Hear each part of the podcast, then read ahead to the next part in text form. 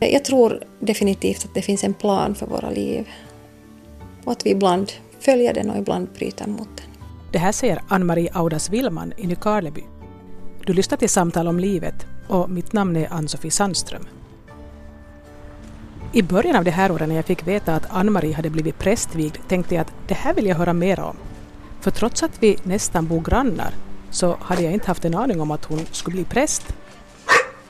Vi hade stämt träff för ett samtal dagen efter det dramatiska riksdagsvalet som vi för övrigt inte kommer att ta upp i det programmet trots att Ann-Marie i många år var aktiv inom politiken. Vi slår oss ner med varsin kaffemugg och jag ber min granne börja med att berätta lite om sig själv. Ann-Marie Audas Willman, Nykarlebybo sedan några år tillbaka. Då jag ibland får frågan varifrån jag kommer så är jag väl kanske nog allra mest Vasabo i alla fall, där jag är född och har bott största delen av min uppväxt och också en del av mitt vuxenliv. Jag är mamma till fyra flickor. Jag är mormor till fyra flickor. Gift och sen fem år tillbaka så jobbar jag som rektor vid Kristliga folkhögskolan i Nykarleby. Alltså vilket år var det ni kom till Nykarleby? Vi kom faktiskt i olika repriser till Nykarleby. Gösta kom tidigare, han började jobba här 2002 vill jag minnas på, på våren. Och jag sa den dagen att jag kommer sen när jag har ett jobb här. Och det fick jag fyra år senare. När du då växte upp i Vasa, vad gick du och funderade på att du skulle bli när du blev stor då? Jag vet inte om jag hade egentligen något sånt som någon tanke som jag levde med lite längre tid, utan jag, jag, jag var väl sådär som flickor är mest, att ibland skulle man bli sjukskötare, ibland skulle man bli skådespelare och någon gång lärare. Och, men att då jag, då jag blev student så, så sökte jag inte två ställen, nej jag sökte inte tre ställen. Det var juridik och statskunskap och svenska språket för att bli modersmålslärare. Och vad började du med? Jag började med statskunskap. Jag, jag sökte inte juridiska, jag tenterade in men, men kom inte in där och trodde nog att jag skulle försöka igen. Det blev inte så. Jag gifte mig och fick barn och började aktivera mig politiskt och, och jobba vid sidan av studierna och, och, det tog ganska länge att få min första examen. Och det är klart att, att nu var jag intresserad av teologi redan då men att det här drog det längre strået. Att det var det här jag ville, ville syssla med och det, det ångrar jag inte alls. Jag har trivts väldigt bra med det. Jag har jobbat mycket med förvaltning, jag har jobbat, jobbat med information och, och framförallt varit politiskt aktiv i, i 20 år ungefär. Så att det är ingenting jag ångrar, inte alls. Vad var det då som gjorde att du var intresserad av de här samhällsfrågorna? Vilka saker var det som du såg som viktiga där? Nu var socialpolitiken intressant för mig, det, det var den. Och, och genom att jag också ganska tidigt blev ensamförsörjare och, så var jag nog intresserad av de frågorna och, och jobbade ganska mycket med dem. Men att eh, jag är nog väldigt svensk, att nog var det också det, det svenska språket som, som gjorde att jag engagerade mig politiskt. Och då jag växte upp också i Vasa så att en, en till vissa delar väldigt tvåspråkig stad men samtidigt var problematiken kring tvåspråkigheten hela tiden närvarande. Växte du upp i ett eh, aktivt kristet hem? Fanns den där kristna delen redan från barnsben hos dig? Ja, det har jag nog gjort. Att jag har vuxit upp i ett kristet hem och, och varit församlingsaktiv egentligen i, i alla tider och börjat söndagsskolan tidigt och, och sådär. Men det fanns inte ändå sådär så att du skulle riktigt tänkt att men man, man kunde inte bli präst då hela väst. Nej, det var nu kanske delvis det, men att eh, jag har förstås analyserat det nu, att, att nu, var det, nu var det det att jag ville syssla med samhällsfrågor, att det, det drog det längre strået. Men i år har alltså Ann-Marie Audas Willman blivit prästvigd. Ja, jag blev... Mm, jag slutförde mina studier i november senaste år och, och i januari prästvigdes jag. Hur länge hade du haft det här projektet på gång sådär? Jag började studera teologi 2004 inom öppna universitetet och det var närmast en fritidssysselsättning. Vi började dessutom tillsammans, så vi gick, min man och jag läste tillsammans något veckoslut då och då, tentläste. Men att 2006 så då skrev jag in mig i fakulteten att, att nog visste jag kanske redan då att vad som var mitt mål men samtidigt så hade jag ju ett krävande heltidsarbete och och visste att det tar den tid det tar. Så att eh, ett samtal till en professor vid, vid fakulteten gjorde att jag bytte huvudämne och sa vad det var frågan om i, i det skedet att jag började planera min egen studieväg på det sättet att jag skulle ha de studier som krävs för prästvigning. Och sen såg jag nog kanske också det här steget att bli folkhögskolerektor i, i Nykarleby, så det, till vissa delar så var det inget stort steg, men, men att jag, jag såg, såg det nog som en del av, av det här mönstret, att, att det skulle vara en väg för mig från politiken och det jag då var engagerad i till någonting annat, att det var en sån där åsnebrygga för mig. Du sa att du var 20 år engagerad i politiken. Fick du bara nog av det eller var det bara annat som blev viktigare? Nå, vi lever i tider av riksdagsval nu och det var, det var inför riksdagsvalet för, för fyra år sedan. Är det faktiskt så färskt? Nej, för åtta år sedan blir det. Nej, alltså nu, nu, nu roddar jag. Senast var det 2007 måste det vara. Ja, så det var faktiskt då. Ja, det var ju meningen. Jag hade ställt upp i riksdagsvalet 2003 och Europaparlamentsvalet 2004 och det ansågs väl närmast som självklart att jag skulle kandidera 2007. Jag var vice ordförande för Svenska folkpartiet och och trodde själv också, och han, han ger mitt medgivande till den där kandidaturen då på våren 2006. Men då började det hända saker. Det, det började, eh, jag, liksom blev, jag blev osäker på det där. Att på något vis upplevdes det som så självklart att jag skulle kandidera. Att jag tyckte att jag inte hade brottats färdigt med det. Och, och det där, sen började jag processa det där och jag är en skrivande människa så jag skrev väldigt mycket under den där tiden och funderade och började liksom bara ana att, nej, att jag ska inte kandidera i det här valet, att, att jag är på väg till någonting annat. Jag kände det väldigt starkt att, att det händer någonting nu och jag vet inte riktigt vad det är. Men du var villig att låta det liksom hända och känna efter vad det var? Ja, jag, jag, tyckte att det var väldigt fascinerande och jag tror att det där har med min barnsliga gudstro att göra, att jag också på något vis litar på att det, det här blir nog bra, att, att nu, nu, är jag på väg mot någonting annat men jag vet inte vad det är. Att, jag tyckte det var jättespännande. Och det är klart att det fanns med i bilden det här också att vi, vi bodde på, på olika ställen och åkte mycket bi, bil och, och på det sättet att, att, eh, att det var intressant när den här möjligheten till det här jobbet öppnade sig. Men att nog förstod jag samtidigt att det handlar nog om någonting större än det. Att när man sen då ifrågasatt mitt egoistiska beslut att låta bli att kandidera när jag då gav kontra, kontrabesked så kände jag bara väldigt starkt att nu ska jag inte, nu ska jag inte klippa till eller klippa av på det sätt som jag skulle vilja göra för att jag är på väg någonstans där, där man pratar med varandra på ett lite annat sätt det är ändå en så pass jättegrej att vara kandidat i ett allmänt val att det, det går inte om man gör det för att rädda sitt eget ansikte utan då är det lika bra att ta stryk en stund och, och vara fri från det och någon annan gör kampanj med alla det, allt vad det kräver. Jag brukar säga så här att skulle folk veta hur jobbigt det är att vara politiker på olika nivåer och, och att vara kandidat i allmänna val så det minsta man skulle göra är att rösta. Har du någon gång ångrat att du steg ut från politiken? Aldrig någonsin och det överraskar mig nästan för att jag, för mig var det ju en livsstil och väldigt mycket av min tid handlade om det, mina intressen, mitt umgänge, säkert självförverkligande och allt möjligt annat. Att, att det där jag, jag måste ju kalkylera med risken att jag eventuellt kommer att ångra mig att jag stiger av ett sånt tåg men det har jag inte behövt göra. Och sen då när du insåg vad det var du var på väg till, hur reagerade du själv när du kom på att oj, att det är det här jag håller på med? Det kändes nog omtumlande på något sätt. Att Samtidigt var det ju då någonting som jag valde att inte prata om. Att eh, dels tycker jag att det är en process som man har rätt att gå med sig själv och kanske till och med också skyldighet. Men förstås också då man studerar vid sidan av, av arbete och har familj och allt annat så blir det ju lätt på det sättet att det kanske tar längre än vad man har tänkt. Jag, jag fick också nog revidera min plan i något skede och berätta att nu tar det nog ett år längre än vad jag har tänkt för det kom någonting annat emellan. Men ja, jag, jag valde nu i alla fall att, att knoga på och göra mitt och, och inte prata så mycket om det. En sak är att skaffa sig en akademisk utbildning, en annan sak är att låta prästviga sig. Och, och, och sen tror jag ju att, att det är lite som att ta ett körkort, att nu, nu har man liksom rätt att börja utöva det här och, och förkovra sig, att det är nu man får börja öva och bli den man ska bli. Att, det kan hända att, att prästyrke vid sidan av vissa andra mera ändå är personlighetsdanande eller på det sättet att man går in med själ och hjärta. Men tvivlar man aldrig då på det där, det som man sen som präst ska framföra och predika?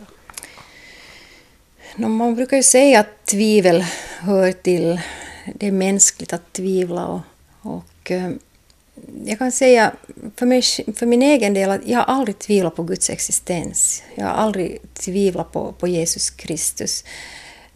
Men det betyder inte att jag inte har tvivlat.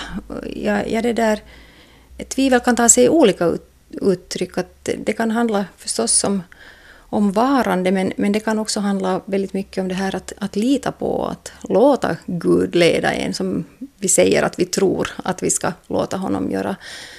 Tvivel kan ta sig sådana uttryck, att, att man är van att styra och ställa själv och tycker att man vet bäst själv. Den typens tvivel får jag dras med väldigt ofta. Och, och sen finns det ju med i det här också tvivel på sig själv. Att vad har jag att säga? Vad har jag att komma med? Att vi står ju inte och pratar i kyrkan, predikar, bara för att få tiden att gå, utan förhoppningsvis så har man någonting att säga, någonting att förmedla. Var, det här, var dina barn och hela familjen och släkten införstådda att du höll på med det här prästprojektet? Jag har ju egentligen inte berättat för någon före maj i fjol att jag kommer att bli präst.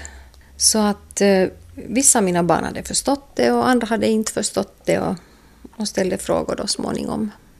Det var faktiskt eh, i samband med, eh, det var något, något studentkalas i, i fjol när det uppstod en sån här situation att jag tyckte att nu måste jag säga det här åt, åt de här människorna som jag pratar med. Då.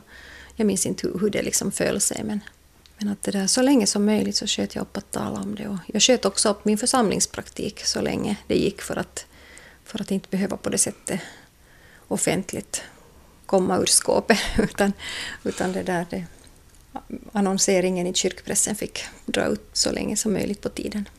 Hur reagerade folk som inte hade vetat om på förhand att du hade den här ambitionen? No, folk reagerar väldigt olika. De allra flesta var ju förstås väldigt uppmuntrande, det, det, det ska jag ju säga. Förvånansvärt många har sagt att, att det har jag bara väntat på eller det har jag trott sen du var ett litet barn eller, eller det, där, det har jag tänkt fråga dig om och, och så där att, att uppenbarligen var det många som, som inte var överraskade men, men det fanns också de som tyckte att jag hade gjort något fel och jag inte hade informerat om det, vad som var på gång. Varför skulle du ha behövt informera? Nej, jag vet inte. Det är väl kanske så att vi tycker om att veta vad, vad folk håller på med. Och jag vet inte, men att nu har det funnits sådana reaktioner också. Att att varför, varför har du inte berättat någonting? Men jag kan bra tänka mig att man inte skulle berätta saker ifall man inte vet hur länge det kommer att ta. Och jag för min del som alltid kan ändra mig i alla möjliga fall, så kanske jag inte sen vill det heller. Att då är det lika bra att inte ha sagt någonting, ifall jag mitt allt kommer på att jag inte vill det. Och just så där tror jag att det var också, och jag vet att jag har sagt det åt några människor, att eventuellt blir, blir jag präst, men det kan ju hända att, att jag ska jobba här på skolan och att det, det, det är så att säga min församling. Att, att, nu fanns det ju med ändå det där att ända in i det sista att ska, ska jag eller ska jag inte?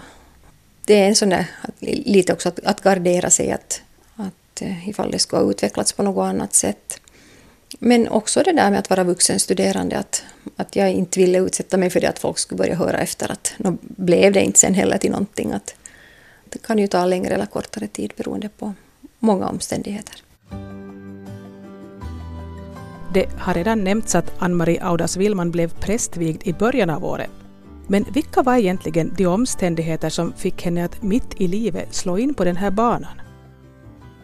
Nu har det ju att göra med en, någon slags utvecklingskris också. Att jag, jag hade en ganska jobbig 40-årskris.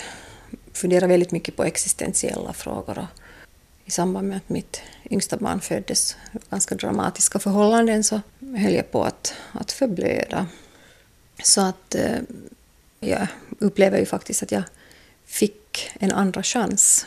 Och det var inte alls något självklart.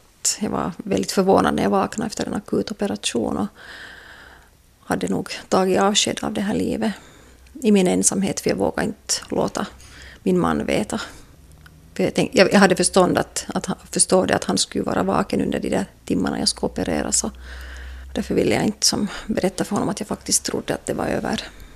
Det var något som gick fel eller något som hände då plötsligt? Att det var... Ja, det, det var komplikationer i samband med, med ett kejsarsnitt. Så att eh, det där gav liksom nog upphov till väldigt, väldigt mycket funderingar om livet. Och det här med att då jag har fått en chans till, då mitt liv ännu inte ännu var slut, att vad, vad är det meningen jag ska göra av det?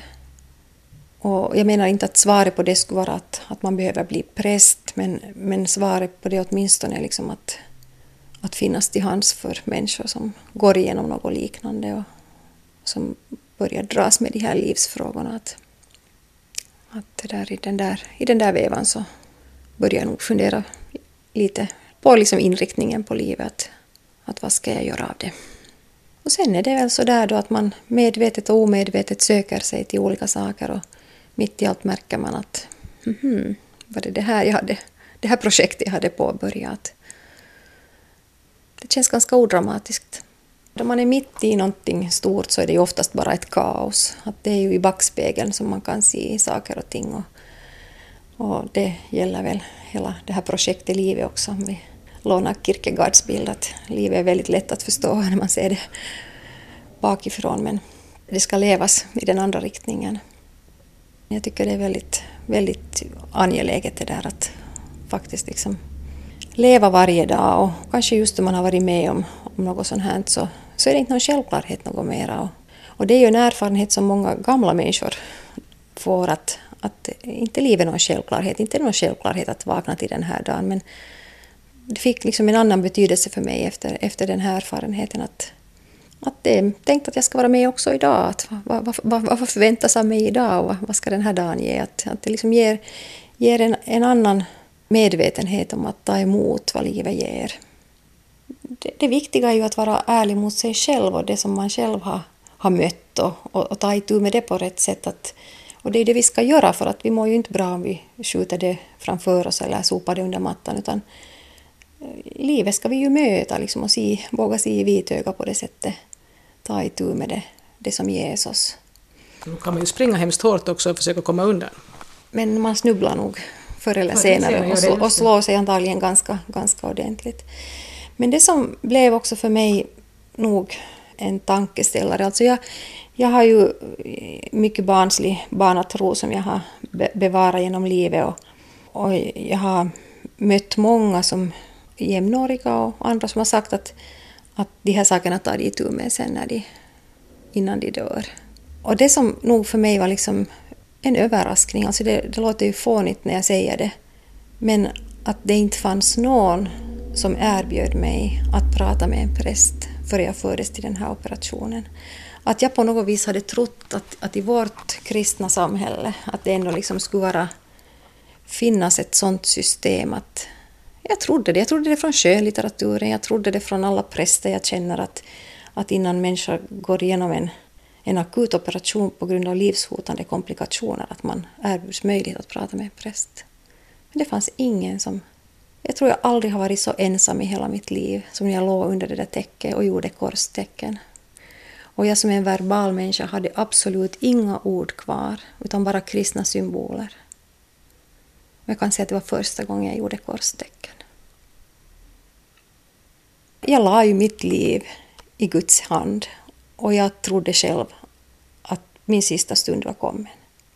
Men det där, det där omkullkastade på något vis så mycket av all min religiösa omtanke om mina vänner. Jag talar om liksom min ungdom och min barndom till och med, alltså jämnåriga personer. Att att jag har trott att vi lever i ett samhälle där den här möjligheten finns. Men den kanske inte gör det.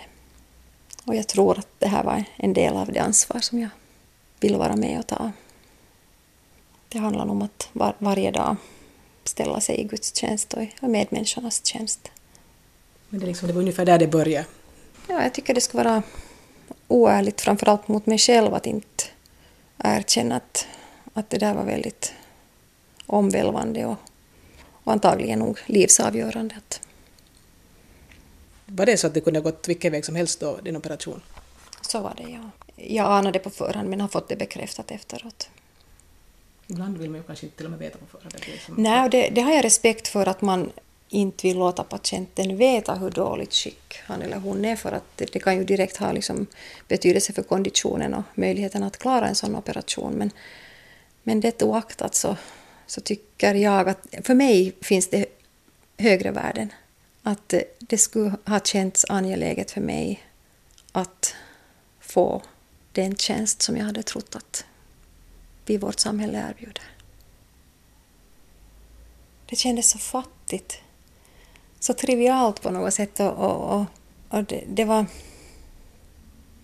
Ja, det var, det var liksom ett väldigt som enormt tomrum efteråt. Att, att det där fanns inte som jag trodde att det skulle finnas. Men det där tomrummet fick dig att styra in på en annan bana? Mm, jag tror att, att det där var väldigt avgörande för mig. Jag tror absolut på en ledning. Sen utgående från mig själv så vet jag ju då hur, hur, hur stor och överhängande risken är att man inte litar på den utan man, man tror mera på sig själv. Och, men jag, jag tror definitivt att det finns en plan för våra liv och att vi ibland följer den och ibland bryter mot den. Men jag tror, eller jag vet, att för mig har det åtminstone varit så att man kommer till en punkt när man retirerar.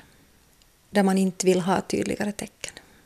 Det har jag varit med om, blivit, blivit rädd att jag vill inte ha något tydligare tecken, jag ger mig. Och det, det kan kännas hårt och det kan kännas besvärligt på, på många sätt men, men samtidigt så jag tror på den där planen och jag tror att det är bäst att följa den. Det handlar ju också om ett mod att, att våga. Vi pratar om att sätta vårt liv i Guds hand. Det är ju en bild för det här att inse att det finns någon som har större andel i, i mitt liv än jag själv och, och de möjligheter som ges. Och att kanske jag ska ta emot de möjligheterna, inte streta emot bara för att jag tycker om att bestämma själv. Tog du alls på stoltheten att sen acceptera det där? Ja, det kan göra det ibland. När man, man tycker att, vadå, att jag är ju en fiffig människa, jag är rationell och praktisk och systematisk, att det här skulle jag ju kunna liksom nog planera lite annorlunda. Och så får man bara ge sig. För att man upplever att nej, det där är inte rätt. Det där är inte det optimala.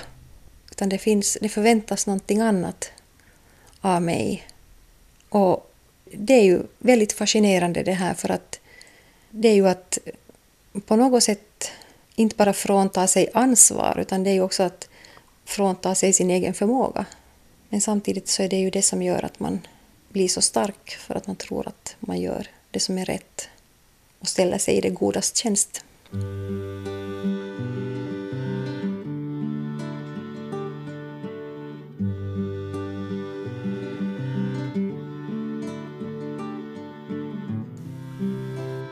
Du sa att du var mormor till, till fyra. Har du hunnit med det? det där tota, med att bli mormor så det tar inte lika lång tid som att bli mamma. Men det där... Ja, no, jag, jag var ganska ung när jag fick mina äldsta barn och de har också varit ganska unga och de har kommit ganska tätt, tätt en del barnbarn här. Så att jag är mormor till fyra flickor och den äldsta är faktiskt då bara tre och ett halvt. Så de är så nära varandra i ålder och, och det är då två av mina döttrar som har barn. En har en flicka och en har tre flickor. Hur kändes det att bli mormor? Ja, det var ganska blandade känslor, ärligt talat. Eh, för att eh, man har ju för sig att det bara är fantastiskt med att få barnbarn och det har folk också berättat för mig att, att det är på det sättet. Fanny! Den yngsta dottern som är 12 kommer hem från skolan. Och Ann-Marie går och berättar för henne att vi håller på med en inspelning. Det där med barnbarn, ja, det, det där hade jag ju hört att, att, eh, att eh, att ha barn kan, förutom att det är härligt, så kan det också vara väldigt jobbigt ibland, men att ha barnbarn så är bara positivt. Det kändes inte så för mig. Det, det, kändes, det kändes som så att, att jag inte var riktigt redo att bli mormor. Jag hade haft ganska intensivt, varit ensamförsörjare länge, tio år, ensam med tre flickor. Och, alltså du var tio år ensamförsörjare? Ja, så att jag, jag det där, tyckte helt enkelt att att det skulle kunna gå några år däremellan. Att det har varit så intensivt det där med att vara, vara mamma och, och min yngsta dotter var bara nio år då jag blev mormor. så kom in. Ja, så jag, så jag berättade, berättade åt flickorna här att, att jag älskar mina barnbarn. Det gör jag verkligen och det har jag gjort från första början och det är alldeles hjärtskärande, underbara små liv. Men jag är i första hand mamma och inte mormor ännu. Så kändes det. Så att jag, jag vill ärligt och uppriktigt berätta att det där var en process som tog en tid för mig och, och det hör ju till saken också att, att även om vi nog är väldigt nära varandra så, så bor de ganska långt ifrån oss. Att vi, vi träffas ju inte så ofta och när vi träffas är det ganska intensivt och de har ju förstås vuxit mycket så det tar någon dag innan man vet vad de kan och vad de inte kan och vilka situationer som är farliga och sådär. Men i julas så då, då märkte jag att nu hade det hänt någonting för att vi levde storfamiljsliv här närmare två veckor och vi var 14 om jag minns rätt sådär regelbundet. Och, och då var det en som kallade mig mommo och en som kallade mig mormor och en som kallade mig mm. Och den fjärde sa ännu ingenting. Och då insåg jag att yes, nu kan jag ta det. Så jag, jag liksom vill, vill, säga det där att, att, det kan vara lite blandade känslor när man är... Jag var 45 då jag blev mormor. Det är ganska tidigt att bli mormor det. Man tänker på mormor som sådana äldre värdiga tanter i 70-årsåldern. Liksom. Ja, det är precis det det handlar om, att, att vi har sådana stereotypa bilder av hur en mormor ska vara och det går kanske inte ihop med en dubbelarbetande och studerande mamma till en nioåring. Att det, det blir, som blir, blir lite korsdrag där i, i ens egen föreställning om hur man borde vara. Så det handlar om att hitta sin roll också där. Att... Men den kom så småningom? Den kom. Jag tror att det blir bara bättre. Men hur var det att vara så länge ensamstående med så pass små barn? Mm, det är ju så att, att man, man känner ju på det sättet bara sin egen verklighet. Att inte, jag har ju ingenting att jämföra med egentligen. Det är ju först efteråt som man kan tycka att oj, det måste ha varit ganska jobbigt.